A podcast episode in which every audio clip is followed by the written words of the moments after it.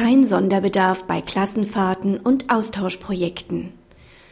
Nach der Definition des Paragraphen 1613 Absatz 2 Nummer 1 BGB ist Sonderbedarf ein unregelmäßiger, außerordentlich hoher Bedarf.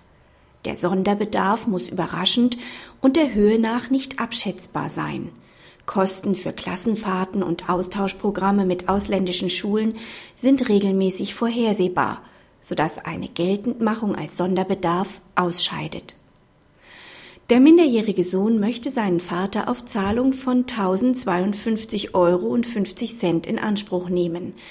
Es handelt sich hierbei um die hälftigen Kosten, die für Klassenfahrten nach Österreich und zum Biggersee sowie für Schüleraustauschprojekte in England und China entstanden und von der Mutter, die Inhaberin der alleinigen elterlichen Sorge ist, getragen worden sind. Das Amtsgericht hat den Antrag des Sohnes auf Gewährung von Verfahrenskostenhilfe abgewiesen. Hiergegen richtet sich die sofortige Beschwerde des Sohnes. Er macht geltend, dass es sich bei den Kosten für Klassenfahrten um Sonderbedarf handelt. Die sofortige Beschwerde wird zurückgewiesen.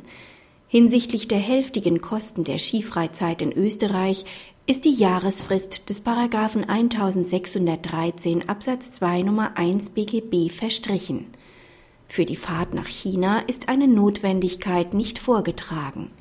Ergänzend weist das Oberlandesgericht darauf hin, dass Sonderbedarf Teil des Lebensbedarfs im Sinne des Paragraphen 1610 Absatz 2 BGB ist und nicht der Finanzierung unnötiger Aufwendungen dient.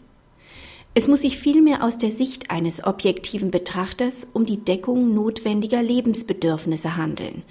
Der Austausch mit China stellt ein zusätzliches Angebot dar, das deutlich über eine übliche Schulveranstaltung hinausgeht und sich auch nur an einen Teil der Schüler richtet. Etwas anderes ergebe sich nur, wenn der barunterhaltspflichtige Vater über ein außergewöhnlich hohes Einkommen verfügen würde, was vorliegend nicht der Fall ist. Hinsichtlich der hälftigen Kosten für den England-Austausch und für die Fahrt zum Biggesee handelt es sich nicht um Sonderbedarf, da die Voraussetzungen des Paragraphen 1613 Absatz 2 Nummer 1 BGB nicht gegeben sind. Es muss sich hierfür um Bedarf handeln, der überraschend und der Höhe nach nicht abschätzbar auftritt. Dieses Merkmal des überraschenden Auftretens liegt für beide Sachverhalte nicht vor. Denn der England-Austausch ist Bestandteil des regelmäßigen Schulprogramms. Entsprechendes gilt für die Klassenfahrt zum Biggesee.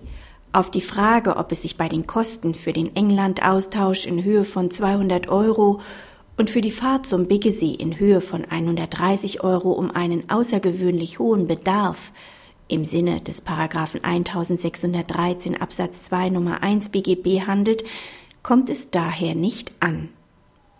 Praxishinweis die Geltendmachung von Sonderbedarf ist nur in engen Grenzen möglich. Bei voraussehbaren größeren Ausgaben ist der laufende Unterhalt gegebenenfalls durch Zubilligung von Mehrbedarf so zu gestalten, dass genügend Spielraum für eine vernünftige Planung bleibt. Typischer Sonderbedarf sind unvorhergesehene Krankheits-, Operations- und ähnliche Kosten, soweit sie nicht von der Krankenkasse getragen werden